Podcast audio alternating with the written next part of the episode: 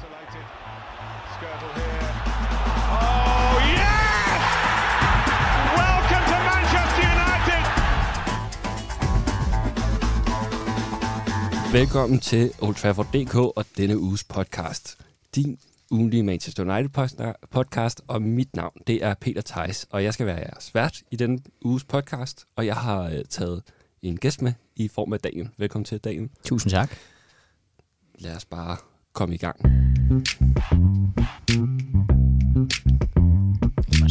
Daniel, øh, kan du ikke øh, prøve at starte med at præsentere dig selv, bare lige kort for lytterne, så de ved, hvem du er? Jo, det kan du tro. Det, øh, det er jo længe siden. Jeg har, jeg har været med en del gange, da når Nils øh, O. Tinesen, den kære, kære mand, har været vært.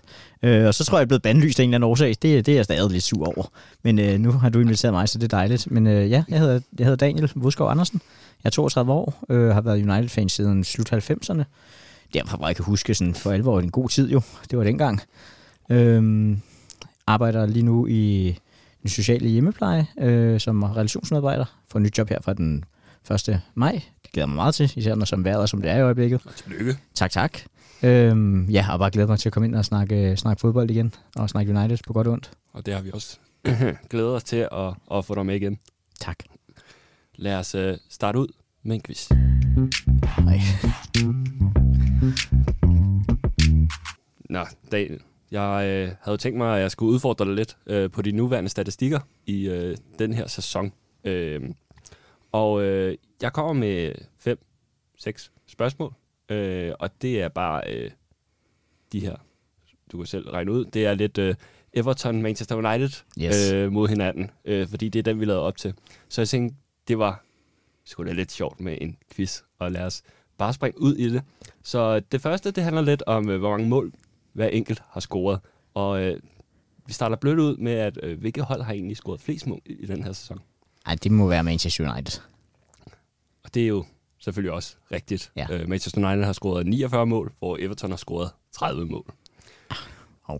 Ikke imponerende nogen af dem, vel? Nej, det er ikke, ikke rigtig imponerende, nogen af dem. Og det er også det, der er lidt sjovt i forhold til det her med, at vi skal diskutere lidt øh, omkring de to hold. Men altså, hvad, hvad siger det til dig i forhold til de her to? Øhm, jamen, det, det siger jo lidt sig selv, at det, det er to hold med egentlig strukturelle problemer, både offensivt og defensivt, synes jeg. United har selvfølgelig klart bedre spillere og mere individuelle kasser, så derfor burde det også kunne ses i målstatistikken, og det kan det jo så også, at vi trods alt har scoret øh, 19 mål, 19, 19 mål mere, hvilket, men 49 mål er jo heller ikke imponerende. Øh, og Everton, synes jeg, altså de, er jo, de lider meget under, at det også er et, en blandet landhandel. Har sindssygt mange forskellige spillere, har haft ja, både Benitez og Lampard, som er to trænere, der stikker i hver sin retning den- her, den her sæson som, som, som træner slash managers, øhm, og har vel ikke rigtig fundet deres opstilling endnu. Og så har de også manglet, har de også lidt af, at Calvert-Lewin har været meget skadet. Ja, helt sikkert. Øh, og jeg er helt enig. Øh, det, der synes, jeg synes, der er sjovt, det er det, det er det næste. Fordi hvor mange mål er der indkasseret? Altså, hvem har indkasseret flest mål? Er det Manchester United, eller er det Everton? United har jo godt nok indkasseret mange mål, men, men altså, det har Everton sgu også. Jeg tror, det, det må stadig også være Everton, der har indkasseret flest mål. Og øh, gav lige lytterne også lov til bare lige at tænke sig om i forhold til at, at, at gætte med derhjemme. Men altså, det er også Everton. Ja. Men så meget forskel er der ikke, fordi at Everton øh, har faktisk indkasseret 49 mål, hvor United har ind- indkasseret 41. Ja, det er også, altså, det, det er katastrofalt. Altså, det, det er 41 mål. Altså, ja, det, øh, man bliver træt af at tænke på det. Jeg kan mærke, at det, bliver, det her bliver en lang aften af den her quiz, vi starter ud med. Overgår det ikke. Um, vi kan også vi kan dykke lidt ned, så skal vi ned til Leicester, der har indkasseret 47 mål på den 9. plads. Der er, der er den næste øh, højeste i, i top. Ja, desværre top, top Ja, 9 men der. det, det, altså, det, er- det er helt grotesk. Også, også når man tænker på, altså Leicester er notorisk kendt for at have et rimelig solidt forsvar. Everton vil også, og United øh, måske de sidste 10 år, men, men ellers også. Så det er, sådan, det er nogle rimelig store klubber og normalt driftsikre defensive organisationer, som sejler rundt. Desværre. Ja, det, ja desværre. Øh, men man kan også sige, at øh, De Gea, han har vel stået en OK sæson, Ja. så det er vel også lidt skræmmende, at øh, der faktisk er indkasseret 49. Ja, helt vildt. Altså, det er sådan, jeg kan heller ikke beslutte for mig selv. Altså, det er jo en helt anden debat, måske, måske det er en helt anden podcast, Ja, ja, ja. ja. men ja, jeg synes også, det her faktisk har stået en rigtig flot sæson og har haft nogle vildt gode redninger, og så kan man diskutere alle de der ting med hans øh, spil med fødderne og feltet og sådan noget, men, men, men, men sådan bottom line er, at han redder rigtig, rigtig mange point til Manchester United, redder rigtig, rigtig, rigtig, rigtig mange store chancer. Øh, og ja, jeg, jeg har efterhånden svært at forklare, hvad det er, fordi jeg synes jo også, hvis man kigger individuelt spiller for spiller ved Uniteds forsvar, så er det super gode spillere, topspillere, altså også Harry Maguire, selvom jeg ved godt, vi er på en eller anden måde en tid, hvor man skal have manden, hvilket jeg synes er dybt mærkeligt. Øh, men, men det fungerer bare ikke, og igen, det kommer bare ned til, at strukturen starten helt op for vores angriber til, til, til forsvar og målmand, den sejler. Jamen så øh, lad os da komme lidt videre i forhold til øh, topscorer, øh, fordi at øh, det er jo lidt, lidt fornemt i forhold til at gætte, hvem øh, der har scoret flest mål her nu, når jeg allerede har fået en øh, ledetråd. Ja. Men øh, topscorer på de to hold, øh, der kan jeg lige øh, fortælle dig, at, at øh, Manchester United, der er det Cristiano Ronaldo og Fernandes, yes. der hel, ligger henholdsvis øh, 4 og 12 på topscorelisten. Men hvor kommer Evertons topscorer ind? Det er rigtig interessant. Og du får tre ledetråd, ja. fordi at, øh, den er svær. Er det i top 20, top 50, eller, to, eller øh, undskyld, top 20, top 30 eller top 50? Øh, altså, ej, de, de må ligge højere end top 50 trods alt. Jeg ved godt, Calvert Lune, han har været meget skadet, så han er nok ikke med, men de, altså, Richarlison må vel have scoret nogle mål til top 30. Ja, øh, det er Damien øh, Gray, der er deres topscorer med okay. fem mål, øh, og ja. det ligger faktisk nummer 43 på topscorerlisten. Okay, ja, det er... Øh, og der har øh, Richarlison øh, faktisk øh, kun scoret fire. Er det rigtigt? Ja. Nej, nå, jeg tror, han, er også, ja, han må også have gang i en dårlig sæson, lyder det som om. Ja, det har Everton vel generelt. Ja, ja, ja, det er ja, fuldstændig. Altså, det er, ja, det, det kan jeg bare se, men man har jo nærmest glemt nogle af de spillere, der, der drænder rundt, og Richarlison var den første, jeg lige kom i tanke om, fordi han trods alt er så irriterende at se på, men, men også en dygtig spiller jo, og en farlig spiller, men fire mål efter 31 runder, 30-31 runder, det er jo lidt imponerende, må man sige. Men man må også bare blive enige om, at, at Cristiano Ronaldo som ligger nummer 4 på topscore-listen. Han må have, godt nok efter alt det kritik, underligt nok, men, men det kan vi altid diskutere til et andet ja. podcast igen, men han ligger nummer 4 på topscore-listen. Det fortæller vel også, at... Ja, men det er med 12 mål, ikke? Jo, det kan jeg lige ja. op, men øh, ja. Ja, det, det er jeg ret sikker på, og det, altså, det er jo, ja, det er vel det er vel ok, men det er vel ikke mere end det. Altså, nu, jeg, jeg, jeg, er ikke, jeg er ikke helt sikker på, hvilken, om vi har, jeg tror ikke, vi er helt enige i holdninger om Cristiano Ronaldo, Peter. Øhm, selvom han, han er en dejlig spiller, jeg elsker ham uanset hvad, hvordan ja. det går, men, men altså 12 mål efter 31 kampe, det, det, det er vel, som sagt, det er vel, det er vel godkendt, det, men ikke mere end det. Det er vel på, på den gode gamle skala, er det vel 4 eller sådan noget. Jeg, jeg synes ikke, jeg synes ikke det, det er godt nok faktisk. Altså, jeg havde regnet med mere, må jeg indrømme, øh, ja. mål af ham i Premier League alene. Men så kan man jo også sige, uh, hvis man skal sammenligne med den næstbedste, ikke United? Jo, jo, det, det vil Bruno med, ja. men, men, ja, ja, men Bruno er også, han bliver bare brugt på så mange pladser og laver, laver også en del af sidst. Jeg ved godt, det har haltet lidt mere den sæson, men, men han bidrager bare med, med meget mere til holdet, end Cristiano Ronaldo gør, som jeg ser det. Øhm, så, så det kan jeg egentlig bedre leve med, fordi han, ja, han, han løber, han kæmper, han, øh, han presser øh, nogle gange lidt for meget og, og for ensomt, og det er jo også en del af problemet, kan man sige. Men, men ja, jeg, jeg må sige, jeg, jeg er ikke imponeret over Cristiano Ronaldos øh, indsats i den sæson, selvom han, han havde den der magiske kamp mod Tottenham, og det vil man jo altid huske, men, men det er jo heller ikke ham alene, skal man huske på, og det er heller ikke Bruno Fernandes alene. Det er jo igen hele den der kemi, kemi, kemi i holdet, som, som bare ikke er der, øh, og som er, vi kommer ind på i forhold til Leicester-kampen, som er så frustrerende og frygtelig at se på. Altså, det, det virkede som om, at ja, det virker meget, mange kampe i øjeblikket, virker som det er sommerferiekampe, og det, det, er, det piner mig sgu. Ja, men det kommer vi heldigvis ind på. Øh, sidste spørgsmål, og det handler lidt om uh, possession og passes. Så hvor mange afleveringer. Øh, og, og der kan man jo altid, ja. altid tolke, som man har lyst til i forhold til afleveringer og statistikker. Øh, men det her med at, at, at have utrolig mange afleveringer, betyder vel også noget i forhold til, øh, hvor meget man, man ligesom har spillet mm. øh, og udfordrer altså hele tiden øh, skal styre kampen. Mm. Øhm, og det synes jeg var lidt interessant at dykke ned i, fordi hvor tror du egentlig Manchester United ligger i forhold til alle 20? Ligger de i en øh, 3, 6, eller ligger de nummer 8 i forhold til afleveringer? Øh, åh, det er jo også svært, fordi øh, Renje tog over der i start af december, og der er det i hvert fald, der er der sket noget på den front, er jeg ret sikker på. Øhm, det, er, det er så ikke altid været så gode til at bruge possession til så meget, specielt ikke i det sidste halvandet års tid, desværre. Øh, jeg, jeg tænker ikke, vi ligger nummer tre i forhold til Liverpool og City og nok også Arsenal, men, men nummer 6 tror jeg er et meget godt bud. Jeg tror, vi ligger relativt højt. Det er fuldstændig korrekt. Sådan. Øh, det, der til gengæld er lidt interessant i forhold til den, det er, at den, der ligger over os, det er Bryson. Ja, men det, det synes jeg egentlig heller ikke er overraskende, faktisk. Jeg, jeg er jo kæmpe fan af Brightons øh, spillestil, og Graham Potter, han vil være et, et, et, et sikkert sats, men et, egentlig et frækt bud på en anden manager. Han, det bliver jo ikke ham, men, men jeg, ja, det overrasker mig egentlig ikke, at det, er- det er sikkert Brighton, Arsenal, øh, City, Liverpool, og så et hold, jeg har glemt.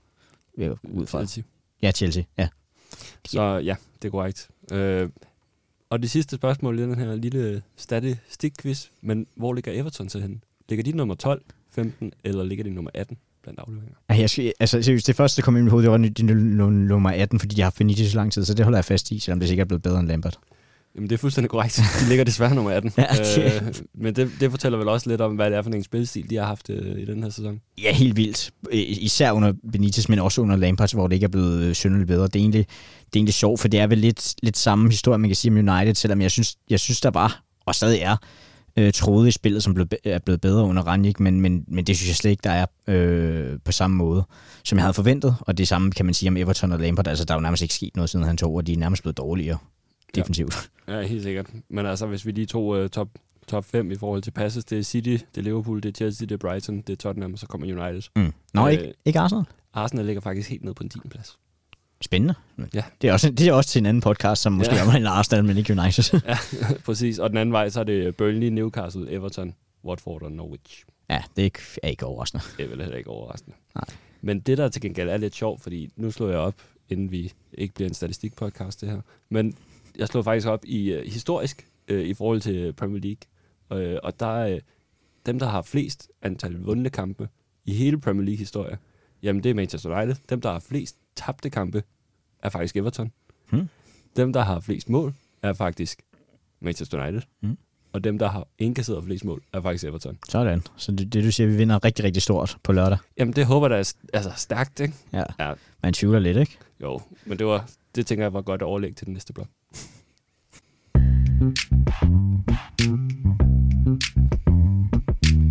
Nu kommer vi ind på den seneste kamp i Premier League, og lad os endelig starte øh, dagen med, med Manchester United, der øh, lørdag aften mødte Leicester City på Old Trafford i et 1 opgør. Hvordan oplevede du kampen? Øh, jamen, jeg, jeg, jeg, synes jo, det var berusende skøn fodbold. Nej, det, det, det, det, det, var det, det var det fandme ikke. Undskyld, jeg bander. Må man godt bande den her podcast? Ah, helst ikke, ikke? Nej, okay. Ja, øh, dammit. Men, ja, ja. Nej, øh, nej, det var, jamen, jeg, jeg, det var en kamp, jeg, hvor jeg sad og blev mere og mere frustreret, og jeg sad, jeg sad heldigvis, skulle jeg sige, jeg så den alene, og sad og råbte og skreg ind i min pude og slog ned i min pude, fordi altså, jamen, hvor skal vi starte? Vi møder et Leicester-hold, som har sejlet rundt den her sæson, og som jeg heller ikke synes var gode i lørdags på nogen måde, altså imponerende overhovedet. Øh, United var vel også trods alt måske det marginalt bedre hold til det over hele kampen, synes jeg. Og skulle der have været en vinder, skulle det nok have været United, selvom de har deres chancer lister. Det er klart, det har en kæmpe redning. Men, men det blev bare sådan, jeg sad i specielt anden halvleg der, efter vi får udlignet, og tænkte, okay, nu kommer det, nu får vi, presser vi på, og nu får vi scoret det andet mål. Og så var det bare Lister, der havde bolden det meste af tiden, og de skabte ikke så meget, men, men alligevel, man følte jo dem, der var tættere på at score til to end, end, end, end, end os. Og det frustrerer mig så meget, at at der, de der, har været så mange af de der kampe, hvor man tænker, okay, nu lægger vi på, nu lægger vi på, og så sker der bare ikke en skid. Undskyld igen, nu bander jeg igen. Øh, men så skete der bare ikke noget. Ja. Øhm, jeg synes, det var en på mange måder kedelig, en dårlig kamp. Jeg synes, der, jeg synes det Gea, Maguire faktisk, synes jeg, bliver en god kamp. Øhm, Fridge og Bruno Fernandes, det er de fire, de kan være sådan nogenlunde tilfredse med deres indsats. Resten var jo skuffende og under middel, og, og ja, det virker fuldstændig tømt for selvtillid og energi. hvad manglede der i kampen? Ja, udover, nu siger du selv, øh, Jamen, der manglede tempo. Altså, det, nu har vi lige haft statistikken her med, hvor mange afleveringer havde. Vi havde jo også en del afleveringer mod, øh, mod Leicester. Især, is- især den første times tid, vil jeg tro. Øh, men det blev bare ikke rigtig farligt, og det gik for langsomt. Og ja, jeg, jeg, jeg sidder stadig hver gang jeg ser United og tænker tempo, tempo, tempo. Øhm, og der er ikke særlig mange vores spillere, der har, eller vores spillere på vores hold, der, der har tempo. Øh, Rashford har, men han er fuldstændig ude, ude af form. Sancho har, men, men slider også lidt med det, selvom han har været god her på det sidste. Ikke så meget mod Leicester. Øhm, og Fritz har det, men nogle gange han har det, nogle gange lidt for meget. øhm, men altså, ja. hvad skal, man, hvad skal man gøre for at komme ind- i og sætte noget tempo i spillet, tænker du? Jamen, det er, jo, det er jo hurtige afleveringer, det er mere bevægelse, det er, det er flere løb, det er dynamik og sådan noget. Det, det er noget, som en del af spillerne har, synes jeg. Det er derfor, det frustrerer mig så meget. Fordi der er også nogen, der kæmper med det, som ikke har det sådan i deres arsenaler. Det er jo fair nok. Øhm, men jeg synes alligevel, vi har mange spillere, der burde kunne, kunne spille med et væsentligt større flow og en væs- væsentligt mere tempo i spillet. Øhm, og det, øh, ja, det, det, er bare, det er bare frustrerende at se på. Jeg synes, jeg synes en spiller som en spiller som Scott McTominay, han, han deler jo vandene, og jeg er jo klar på det, på det hold, der, der synes, han, han spiller alt, alt, alt, alt, alt for meget i forhold til hans kvaliteter. Han har en god attitude, han kæmper altså for det, man kan aldrig sætte en finger på hans indstilling, men det er ikke nok, hvis, hvis United vil videre til sommer, så skal vi have en erstatning på den der sekser. Nå, jeg skulle øh, ellers til at spørge, om Martis ikke bare skulle spille i stedet for? I resten af sæsonen, jo. Altså, det mener jeg. Og, og Martis er jo heller ikke lige en tempospiller, men han, han, han har i hvert fald de der afleveringer, og de der skærende afleveringer nede for, fra, fra den dybe position. Og det er ikke for at bashe McTominay, fordi han har også haft en god kampe, men han, ligesom Fridge er han 8. Han er rigtig, rigtig dynamisk, og han kan, når han kan komme i feltet, og han kan time de dybe der, så synes jeg faktisk, at han er rigtig, rigtig dygtig. Øh, men lige nu har vi bare ikke nogen sekser andre, andre end Martis, og han, han er jo også gammel må man bare sige. Der, der er så mange ting, der skal forbedres. I et, op, et, et opgør mod Leicester normalt, vi, er vi så glade, tilfredse eller skuffende? Hvad? He, he, helt vildt skuffet. Også selvom Leicester har været form. Altså United på hjemmebane mod Leicester, der forventer, forventer jeg altid tre point.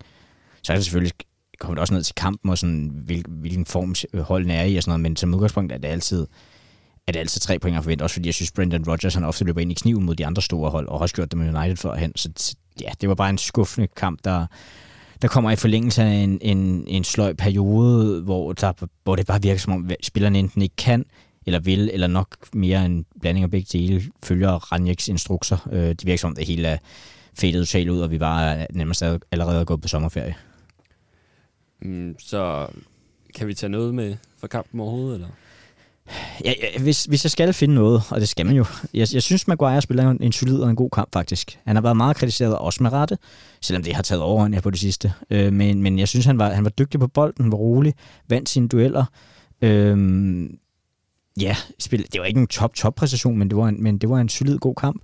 Øh, det håber jeg, han kan bygge videre på. Øh, så synes jeg, ja, det kræver det der store redning at fortsætte hans fine form. Men igen, det er, sådan, det er individuelle præstationer, man kan fremhæve. Det er ikke nogen struktur i spillet, eller eller organisationen i holdet, eller sådan noget, så jeg sådan, nej, der er, ikke, der er ikke vildt meget, man kan tage med for den, den der kamp, synes jeg. Er, er top 4 helt væk nu? Nej, det er det så ikke, fordi Arsenal tabte så til Crystal Palace, så, så det, er sådan, det er også godt det nærmest endnu mere frustrerende. Øh, de fører stadig med fire point og har vist en kamp i hånden, ikke også? Ja, ja. Ja, eller tre eller fire point og en kamp ja. i hånden, ja. Øh, så det bliver stadig svært. Og, jeg har faktisk to, to kampe i hånden. Har de, kun, har de ikke kun én efter Crystal Palace? Jo, det kan godt være, at den ja. lige, lige op. Jo, ja. 29 er de på, og vi er på 30. Ja, okay, præcis, godt nok. Ja. Øhm, så nej, den er selvfølgelig ikke død, også fordi vi har dem indbyrdes, og jeg er normalt rimelig positiv, men, men det, det, det handler sgu mere om os selv, end det handler om Arsenal, fordi jeg, jeg tror egentlig godt, at Arsenal kunne fuck det op for dem selv. Øhm, så gode synes jeg heller ikke, de er.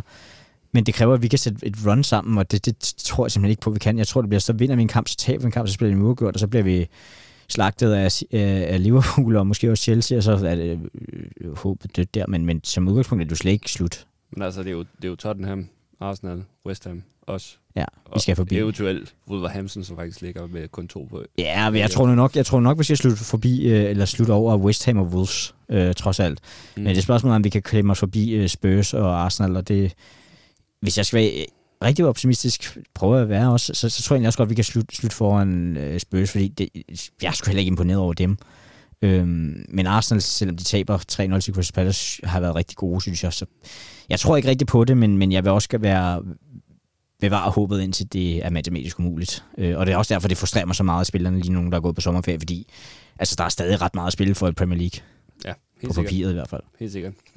Øh, hvis vi skal lige pege pege over mod Everton og mm. deres seneste kamp, øh, som faktisk mødte vores rivaler. Mm. Om, det gør lidt ondt, men om europæisk fodbold, ja. øh, nemlig West Ham, i 2-1 opgør øh, på London Stadium. Så du den kamp? Jeg så den med, med, med et halvt øje. Altså, ikke... hvad, hvad, hvad, tænker du, hvad tænker du i forhold til Manchester United? Hvad skal vi, hvad skal vi lægge vægt på her? Øh, jeg, jeg synes, vi skal lægge vægt på, at, øh, at Everton et eller andet sted, ligesom Manchester United er en identitetskrise, og ikke rigtig kan finde ud af, om de skal spille offensivt, eller om de skal spille defensivt, eller om det er omstilling, eller om det er boldbesiddelse. Det virker som et hold, der er fuldstændig blottet også for selvtillid og uden identitet, som sagt. Øh, så jeg tror, hvis vi, hvis, vi tager, hvis vi tager kampen op og dominerer på bolden, og, og igen forhåbentlig skaber noget mere momentum og tempo i spillet, så tror jeg faktisk, også selvom det er på Goodison, Øh, og man skal aldrig sige aldrig, det kan også være sådan en kamp, hvor vi får sat Everton i gang. Det vil være typisk. Men så tror jeg faktisk, de ligger ret godt til os. Øh, også fordi Michael Keane fik vist rødt kort, ikke? Og ja, han fik to gule. Ja. Han, han nåede lige at få skrablet til sig. Ja, det er meget godt. Og selvom han ikke har haft nogen stor sæson overhovedet, så det, det, det er et hold, hvor jeg forventer, at vi kan score nogle mål. Så er det spørgsmål, om vi kan holde, holde dem fra at score. Og Donny van de Beek, han blev godt nok øh, skadet i, i opvarmning hertil. Ja. Øh, men øh, men han er jo så, han er jo af gode grunde heller ikke øh, med, fordi han er lejet os. Øh, men, men Jeg havde, Ja. faktisk, jeg havde faktisk helt glemt, at han var udlejet til, til Everton, jeg sige. Det har jo heller ikke været godt. Altså, det har det jo bare ikke. Øh, jeg, jeg, var også en af dem, der mente, at han skulle have taget til Crystal Palace, der, var, der er et mere struktureret hold, og som jeg egentlig tror, han ville passe bedre ind på. Men fred nu være med det, det var hans valg, og det er jo fint nok, men ah, det, jeg, han er sådan en spiller, som jeg, jeg egentlig tror rigtig mange godt kan lide, og jeg synes, jeg synes han er sympatisk, og jeg vil så gerne ønske, at han får succes både i Everton øh, og United forhåbentlig. Øh, hvis det bliver Ten Hag, der tager over, så skal man jo håbe på det, men jeg er ikke engang sikker på, at det er en fordel for ham, hvis, hvis han kommer, fordi han skal stadig kæmpe med Bruno Fernandes som den der 10'er eller offensiv 8 position. Så der er jo ikke rigtig noget at ændre sig, uanset om det er så Ten Hag, der er manager eller ej. Øh, han, han, han, han er sgu lidt et spøgelse, og han er en af de mærkeligste signings for mig, fordi at det er blevet så, så uforløst, som det er blevet. ja, helt sikkert. Øh, men, men tror du, at Everton så bliver op i den her sæson? Det er fandme et godt spørgsmål, undskyld igen, men, men Tak. jeg, jeg tænkte virkelig meget over det, da jeg så manus der, fordi at, altså jeg, jeg har jo stadig sådan lidt, altså Watford og Norwich, de rykker ned. Det, det er jeg fuldstændig overbevist om, selvom Norwich eller Watford nok skal sparke lidt. Ja. Øhm, så er der en plads, og der, der kommer det til at stå mellem dem og Burnley. Ja, der, der tror jeg bare, at Burnley har øh, fordelen af at ke- har prøvet det så mange gange før. De har Sean Dice, de har et know-how i forhold til det. Og øh, som jeg sagde til dig, inden vi gik på her, sådan, jeg har det også næsten sådan, når man ansætter Frank Lampard til at redde øh, et Everton-hold i krise i sådan, i sådan her situation, der er intet har bevis som manager, så fortjener man næsten også at rykke ned. Sådan, så nej, jeg, jeg, jeg tror faktisk, de rykker ned. Det er vildt, og grunden til, at jeg synes, det er vildt, det er også, øh, nu kiggede jeg også lidt i historiebøgerne, og det er faktisk det engelske hold, der har været i op i, øh, i den engelske øverste liga i, i flest år, øh, og, og det er det er faktisk kun, øh, kun siden 1954, øh, de, de, de har spillet den næstbedste. Så, Ej, det- så det er rigtig lang tid siden. Hvad siger det om Everton som klub? Jamen, de fortæller, at Everton er en kæmpe klub. Det er en kæmpe traditionsklub. Det er, det er på mange måder en fed klub. Goodison er et fantastisk stadion. stadion. Jeg har selv været der en enkelt gang, faktisk. Øhm, og nogle fede fans, nogle, nogle super loyale supportere, øh, men som vi også var inde på, inden vi gik på, er at også en ekstremt øh, ikke godt drevet klub, faktisk nærmest endnu værre undskyld, end øh, Manchester United. Øhm, en klub, der har en kæmpe identitetskrise og har mange, mange forskellige spillere til forskellige spillestiler og spil, spilsystemer. Igen noget, vi ligesom også øh, kender til. Så en klub, som ja, har prøvet alt for meget på, i forskellige retninger på for, for, i, på for få år, så at sige, eller på for mange år. Øhm, og det ligner, det ligner de, de kan betale prisen nu, øh, for ikke at have, have ligesom en, en retning på projektet.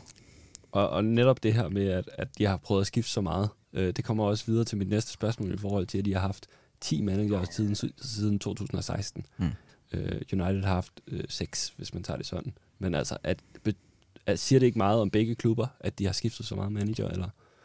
Øh, jo, jo, jo, det gør det. Altså, jeg, jeg tror så også, det har også noget at gøre med, selvfølgelig, nu sagde vi siden 2016, ikke? Mm. Altså, fodbold har også ændret sig meget. Det, det er jo sjældent, man ser de der Ferguson-vinger øh, typer, som der sidder i så mange år. Altså, nu, nu er det vel Klopp, der har nærmest været... 5-6 år. Ja, øh, så, så jeg, tror, jeg tror ikke, du kommer til at sige de der ekstremt øh, lange perioder mere, men, men jo, det, det er da ikke et godt tegn, at man skifter ofte, en manager så ofte. Det, det er et tegn på, at der er noget grundlæggende galt i strukturerne i organisationen i, i klubben, og man, man øh, fagner i, i blinde.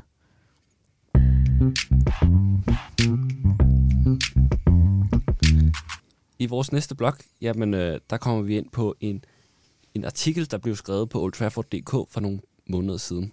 Øh, den er faktisk skrevet af Christian Rothausen, øh, som skrev sådan en rigtig fin blog, øh, der hedder Hvorfor er vi egentlig fans? Eller faktisk, hvorfor er vi egentlig United-fans? Øh, først og fremmest, så øh, kan det varmt anbefales at gå ind og kigge og læse den. Øhm, og og det, det handler primært omkring det her med forholdet mellem klub og vores tilhørsforhold som fans. Og øh, det kan vi selvfølgelig snakke i timevis om, Daniel. Øh, mm. Det er klart. Øh, men hvis vi prøver at, at holde det sådan lidt tilbage, fordi at dengang, vi er jo næsten samme alder, og dengang vi blev United-fans og så videre, jamen der, der forelskede man sig vel i, i fodboldspillerne som sådan, og, og, og klubben som sådan mm. i, i fodboldspillet. Men i dag er der, er der ikke bare rigtig meget ud over bare det her fodbold, så, som har sådan en masse tendenser og den adfærd, ligesom spillerne har ude for banen.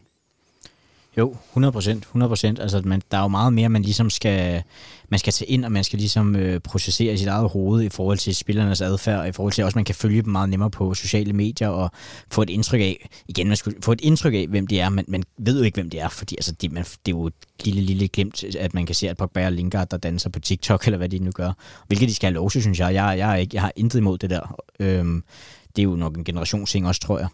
Øhm, men jo, det, det, det er en helt anden måde ligesom at følge en fodboldklub på, et fodboldhold. Og det... Øh, jeg har reflekteret meget omkring, om det er til det bedre, eller om det er til det værre, eller hvad det er. Jeg, jeg tror egentlig bare, at det er naturligt, og det er sådan en, en afspejling af samfundet og det udvikling der, men, men det, det, det gør det mere... Det gør det nogle gange lidt hårdere, synes jeg. Man skal forholde sig til flere ting, faktisk.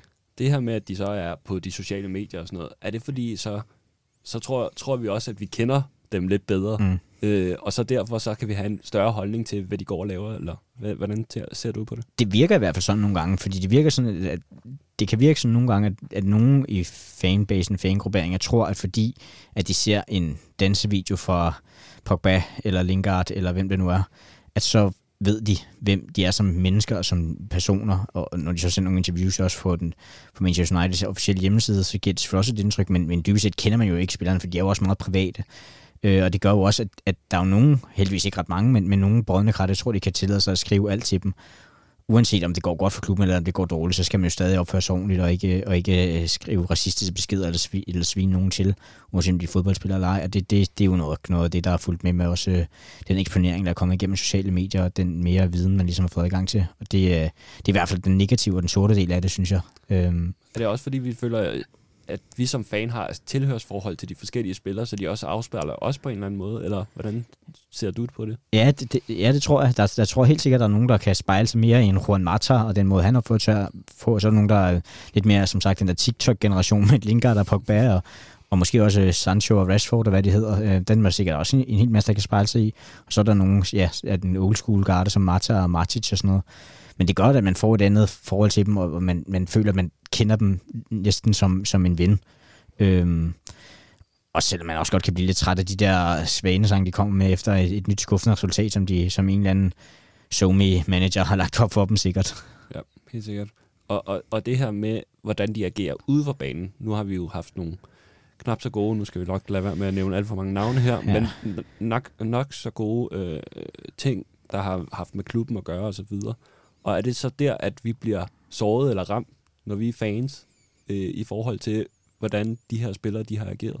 Ja, ja, altså det er det jo, fordi øh, øh, at holde med en fodboldklub og holde med fodboldspillere er jo også en identitet, og man vil gerne have, at de præsterer så godt som muligt, og afspejler de holdninger og værdier, man selv har. Sådan har jeg det i hvert fald, sådan tror jeg, de fleste har det. Øhm, og når man så ser de sager, der har været, ja, nævnte ikke, men så kan jeg godt sige det, når man ser sådan en som Mason Greenwood, som man var så stolt af, og som var vel et top 5 talent i verden, øh, og vel stadig er det på sin vis, rode sig ud i det og vise sig at være, ja igen, man skal man jo ikke, altså man skal jo ikke dømme nogen, for man er dømt, men som udgangspunkt ligner det, at han er en rigtig, rigtig skidt fyr, og det, det, det, det gør rigtig ondt, fordi at det, du er en af dem, man ligesom skulle bygge fremtiden op omkring, og som var en af one of our own, ikke? Øhm, og det betyder i hvert fald bare noget for mig at, øh, at have, have hjemmeavlede spillere i, i truppen. Det er, det er en del af Uniteds, Uniteds kultur og DNA, og når det så er en af dem, der ligesom ikke bare træder ved siden af, men ja, springer fuldstændig ud for øh, 45 meter ved dem øh, og rammer ved siden af, øh, så, så, øh, så, gør det, så gør det meget ekstra, ekstra ondt. Det, det er helt klart. Sorry. Øh, jeg spurgte netop ind øh, på de sociale medier her for nogle måneder siden, øh, vores lytter, øh, og der er faktisk en, øh, der hedder øh, Bo Vensmark øh, Poulsen, som, som faktisk skrev, øh, hvor meget kritik man egentlig kan tillade sig som fan Altså, hvor meget, hvor meget kan, man, kan man tillade sig at være kritisk over for, for selve United og, og det her spil øh, generelt? Øhm, altså i forhold på banen? Både på banen, men også øh, ude for banen. Altså, hvor, hvor kritisk kan vi have lov til at være?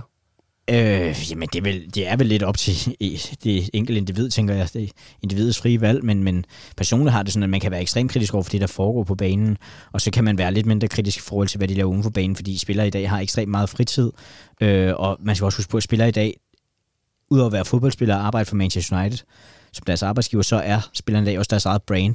Man ser også øh, Paul Pogba, der har emojis, og Jay Lingard, der har Jay Links brandet og sådan noget. Det, det tjener også på, det, det er lige så meget et arbejde, som det at være fodboldspiller, og det skal de have lov til. Øhm, Det kan man så mene om, hvad man vil.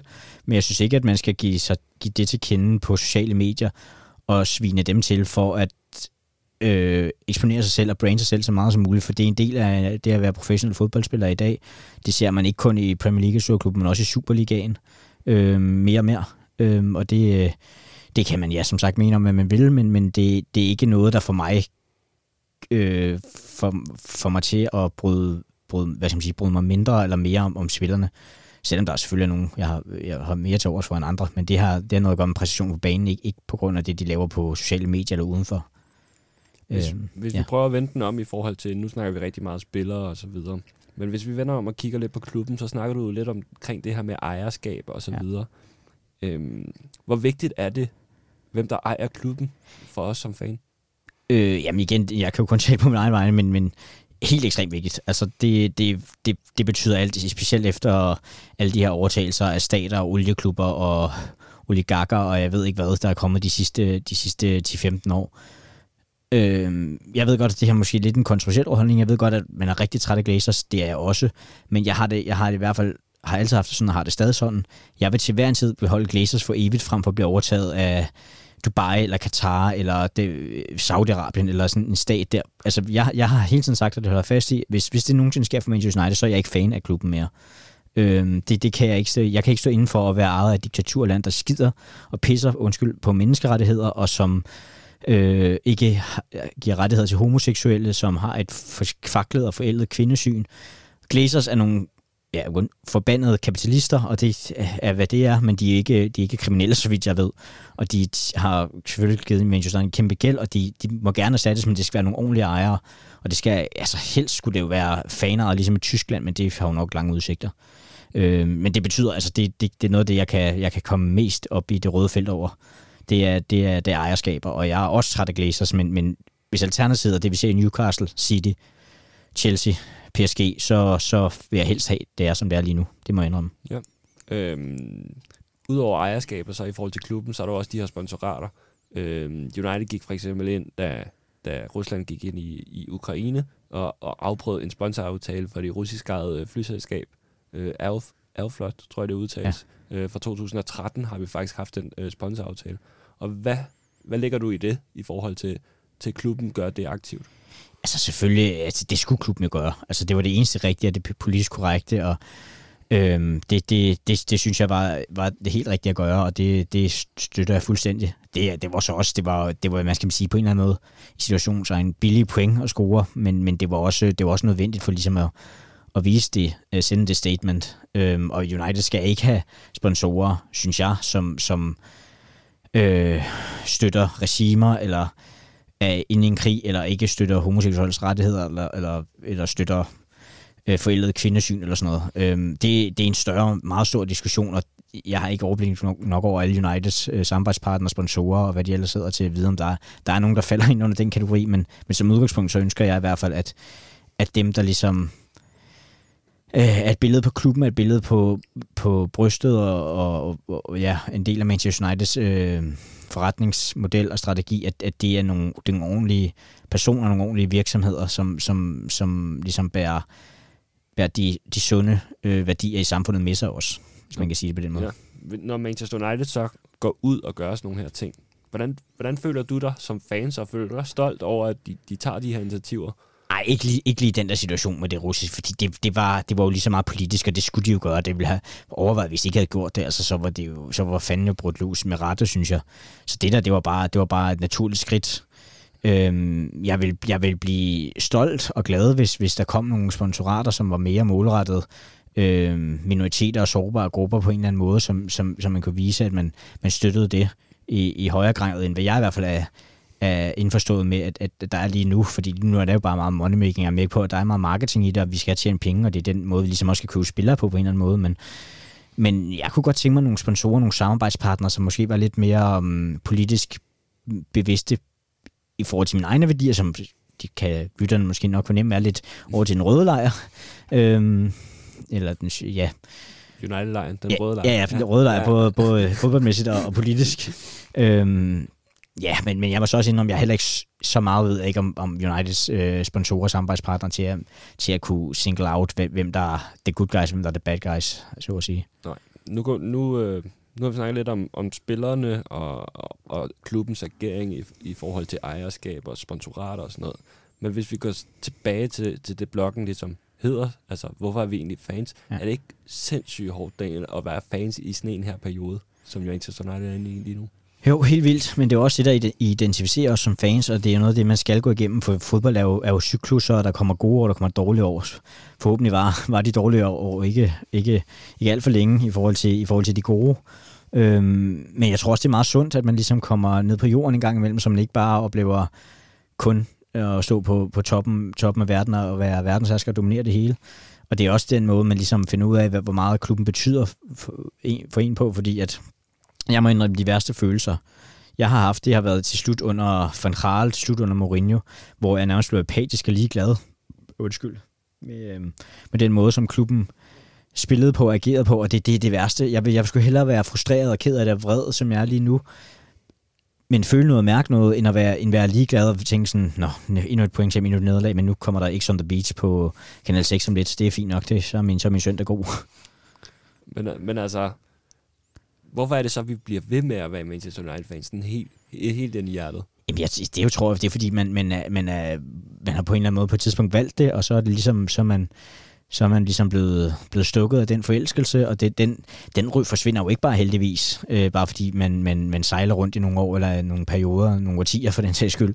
Ligesom det har Liverpool jo også gjort. Altså, så må man bare holde ved det, og gammel kærlighed ruster jo aldrig, øh, som man siger.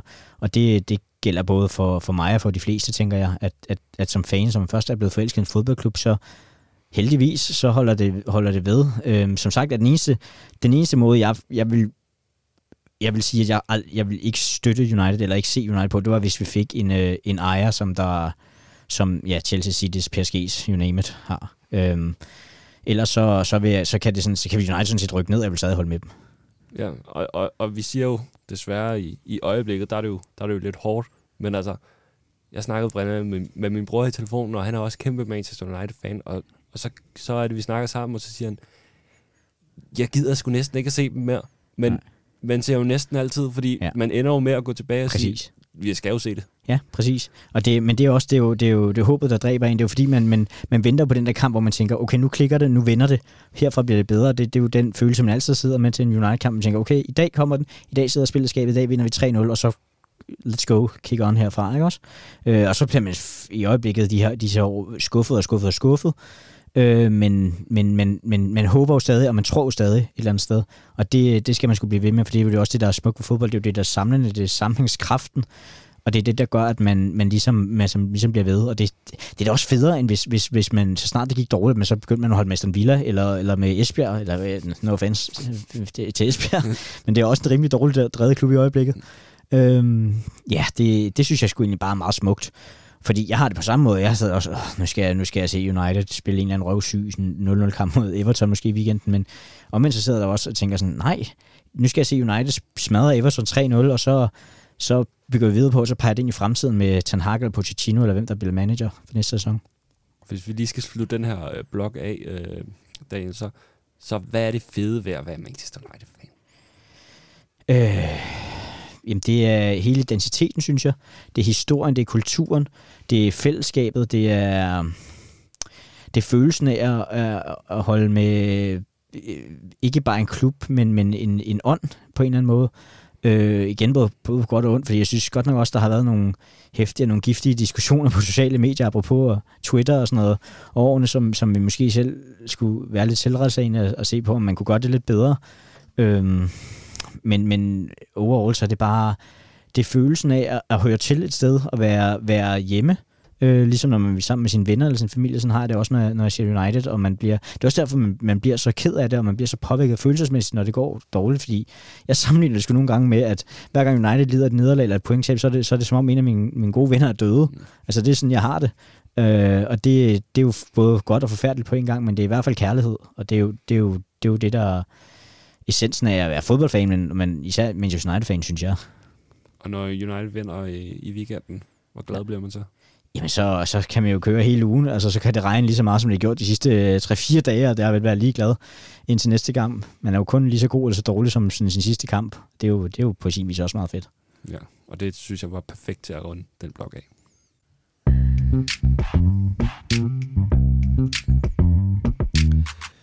Nu øh, skal vi ind på optakten til Everton og ma- mod Manchester United, som spilles på Goodison Park på lørdag den 9. april kl. 13.30. Øh, og Daniel, øh, de seneste to indbyrdes opgør i Premier League har begge været på Old Trafford, og har begge været uafgjort 3-3 og 1-1. Ja. Hvad er det, vi kan forvente os? Er det en svær kamp på lørdag? Ja, altså det, det, det er altid svært på, på Goodison, og det er, det er et øh, på mange måder intim- intimiderende sted, og det er et hold, der kæmper for overlevelse, og de er altså ikke sjove at møde øh, på det her tidspunkt i sæsonen, så de gør det bestemt ikke, øh, ikke nemmere. Everton har øh, nærmest lige så meget tab, som, som Manchester United har, synes jeg, så jeg tror, det bliver en virkelig, virkelig vanskelig kamp, men, men også en kamp, som, som jeg sagde tidligere, jeg tror egentlig godt kan komme til at ligge ret godt til os. Ja. Øh, hvad, hvad, hvad er det bedste, der kan ske?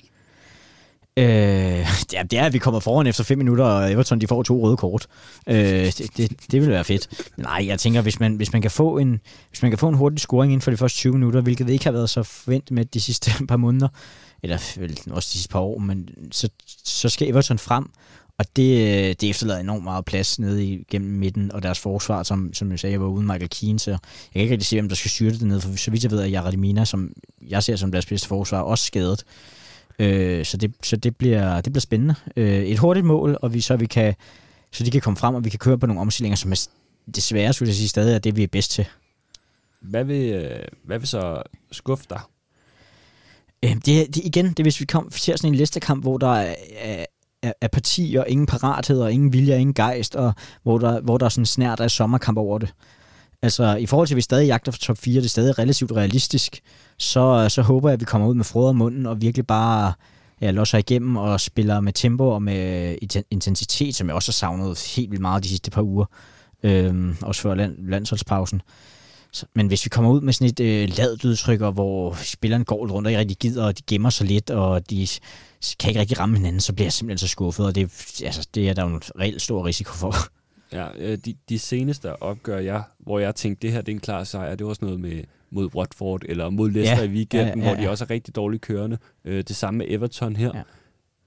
Altså, vi forventer vel en, en, en sejr, men, men er, er det for meget at forvente, skulle jeg til at sige? Nej, det skal, aldrig, det skal aldrig være for meget at forvente, at United vinder på udebane, eller på udebane mod øh, hjemmebane mod Leicester, eller på udebane mod Everton.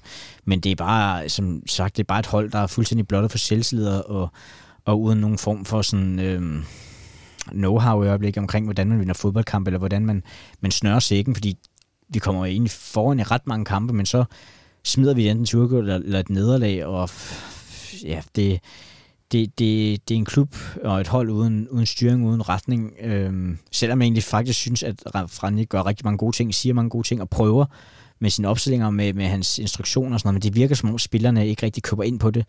Det synes jeg ellers, de gjorde i et langt stykke tid, men det er som om, det er fuldstændig slukket, og det, det er næsten det, der skuffer mig mest, og det, der bekymrer mig mest. Øh, og det, der irriterer mig mest, og gør mig vred på nogle af spillerne også, fordi de, de virker så ligeglade. Hvad, hvad er dine forventninger til den her kamp? Ja, som sagt, en, en svær kamp, en, en, en, en bøvlet kamp, en kamp, hvor United kommer til at have bolden meget, men hvor jeg tror, vi kommer til at mangle tempo, som vi plejer, og mindre vi får et hurtigt mål, som sagt, så tror jeg, det, det kommer til at være en kamp, hvor vi måske skal en i anden halvleg, før der kommer et mål, og måske det kan give en ketchup-effekt, og vi så får scoret et, to, to, et eller to til. Øh, men, men at jeg sidder og var lige så frustreret som mod Lister i weekenden.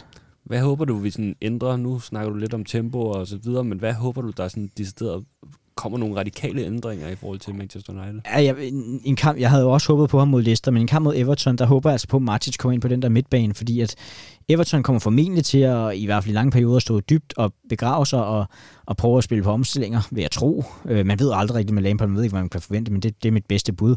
Og der tænker jeg bare, at Martis han er, han er god at få ind, så kan Fred spille den der 8, hvor han kan komme meget rundt på banen. Bruno Fernandes kan spille den offensive 8 10'er.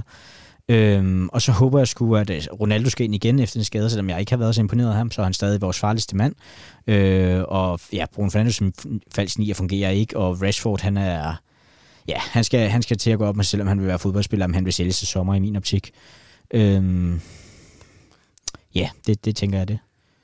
nu spiller de... Øh, nu, stil, nu stiller de op i en øh, 4-4-2, øh, så vidt jeg husker sidst, Everton. Øhm, og, og, og, og den passer, tror jeg, skulle meget godt til, til Manchester United. Ja. Øh, er det ikke her, vi, vi rigtig får, får lov til at spille i de rum, vi gerne vil? Øh, komme til at spille øh, dybt også på dem, i forhold til, at de mangler lidt fart i bagkæden og så videre? Altså, det håber jeg, det vil jeg, det vil jeg også tro, men, men jeg synes bare også, den tanke, jeg har haft mod egentlig mange hold, den havde jeg egentlig også til dels mod Leicester, og der altså, der kom det bare ikke rigtigt. Altså, der var vi ikke gode nok til at finde Bruno Fernandes i halvrummet, eller imellem forsvar og midtbanen og sådan noget. Og, og vi havde alt for mange touch på bolden, og baksene var for længere om at komme med frem og sådan noget. Det, det frygter også, ja, men jo, du har ret som udgangspunkt, så med også de skader karantæner, Everton har, så synes jeg, at kampen ligger godt til os til både at dominere til, at vi kan spille øh, dybt og hurtigt og direkte på dem. Nu håber du på at, at se øh, Martins. Er der andre, du håber på, eller glæder dig til at se eventuelt mod Everton? Ja, jeg glæder mig altid til at se Jadon Sancho. Nu, han, havde, han havde en rigtig dårlig kamp mod, øh, mod Leicester, ligesom så mange andre, men, men jeg synes, han har været ret god faktisk siden, øh, siden Randi kom til, og jeg synes, han er, han er en spiller, der skal bygges meget op omkring, og han har bare et niveau, når han rammer det, som er højere end måske med undtagelse af Bruno Fernandes og De Reas, Pogba, når han, når han gider. øh, ham er jeg stor fan af, men ham er jeg også rigtig træt af. Øh, jeg glæder mig meget til ham, så glæder mig. Hvis han kunne spille i Lanka, der er igen lidt del af millinger, men jeg synes, jeg synes, han er et spændende prospect, så at sige. Og han, han gør mange ting rigtigt, og har mange gode kvaliteter faktisk.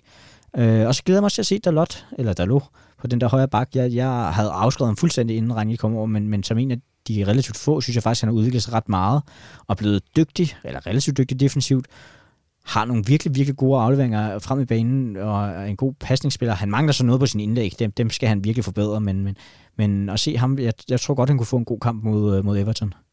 Ja. Slå et indlæg ind i hovedet på Ronaldo, ind i hovedet på Ronaldo, og så en 1-0 sejr, det kunne, det kunne være perfekt. Nå, det var netop det næste, jeg skulle spørge om. Ja. Hvad er kampens resultat? ja, jeg, jeg tror, det bliver en lavt scorende kamp, hvor vi vinder 1-0 på et mål i anden halvleg. Og øh, målscore? Er Ronaldo. Det, det er, det er Ronaldo. Jeg synes ellers, du kritiserer ham meget. Ikke? Ja, men jeg, ja, ja, det, man skal, det vil jeg også gerne understrege. Altså, Ronaldo er en kæmpe legende for mig. Han var en af de første, jeg husker for alvor, og så med Wayne Rooney, en af mine, mine yndlingsspillere. Men jeg synes bare, han, han tager for meget for holdet i forhold til, hvad han giver, og han, det bliver for meget øh, Circus Ronaldo og kommer til at handle om ham. Men, men, men han er jo stadig en fandens dygtig spiller, og Øh, og så længe han er her, så skal man selvfølgelig udnytte, udnytte ham, men jeg tror bare, han, at det bliver svært for klubben og holdet at rykke sig fremad, så længe han skal have så meget opmærksomhed at spille hele tiden. Det, det var mest det. Mest det. Og så han, og så han har som... Han, han kan jo ikke det der med, med at spille ryggen med mål, han kan ikke det der med sådan at indgå i kombinationer så godt, som, som han kunne tidligere, og det er bare en hemmesko i moderne fodbold, at, at have en spiller, der er så begrænset i, i, i, i de dele af spillet. Så vi øh, spiller os tættere på top 4? Ja, det tror jeg.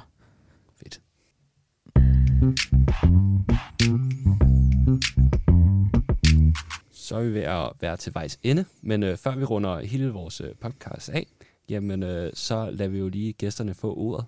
Øh, og det er jo netop med at komme med en bestemt pointe. Det eneste, den her medbragte pointe skal, det er kravet om det, det er, at det skal omhandle fodbold. Og Dan, har du taget en øh, pointe med til os i dag? Det kan du tro, jeg har. Vi, vi har været lidt inde på det øh, tidligere i forhold til, øh, vi snakker om sociale medier, og hvordan man opfører sig på dem, og tonen. Jeg vil, jeg vil gerne slå et slag for at lege tonepoliti. Også fordi, at det, også, det er også til mig selv det her, det er for sådan en generelt reminder, men jeg synes, tonen på sociale medier, både i samfundet, men især når det handler om fodbold, er blevet ekstremt rå og hård. Og jeg synes, at øh, det er så nemt at bare gå ind og svine hinanden til, og svine spillerne til. Øhm, og det synes jeg bare, man skal holde sig for god til, og det synes jeg, at jeg skal holde mig for god til, og ikke komme ind i alle mulige Twitter mudderkast diskussioner, men, men diskutere fodbold på et godt, savligt, øh, fornuftigt niveau, og, øhm, og lade det blive på bolden, så at sige, og ikke, øh, og ikke gå efter manden og lave en tofodstakling. Øhm, og jeg, jeg, ja, jeg synes bare, jeg, jeg bliver mange gange træt af at at man ikke kan, kan mene noget, uden at man så bliver svinet til. Øhm, og jeg bliver træt af, at jeg, jeg selv... Og man får, men det er jo nemt nok bare at skrive ud en masse ja, mundlort, så at sige, på, på Twitter eller sådan noget, efter endnu en skuffende præcision eller et nederlag. Men, det, men jeg synes måske bare, at man lige skulle tage en time, og så lige tage debatten bagefter sammen med ligesindede, enten over en øl eller, eller face to face, og så måske øh, droppe ja, på sociale medier lige, lige de første timer efter kampen, fordi at det, jeg synes, det er sjældent, der kommer en god debat ud af det, og det gælder især også mig selv, fordi jeg selv har kommet ind og har måttet sige undskyld til nogle mennesker, fordi jeg har sagt noget, jeg ikke rigtig mener i, i in the heat of the moment, ikke? Øhm, så og det synes jeg bare også er en generelt, både fodboldmæssig og samfundsmæssig tendens, at vi skal være bedre til at tale hinanden op og tale sammen, og ikke tale ned. Synes jeg er en rigtig god pointe. Vi opfordrer jo altid til, at øh, vi har en god, god tone på, på både vores øh, yes. medier og, og, og internt øh, og eksternt. Øh, så god pointe, Dan.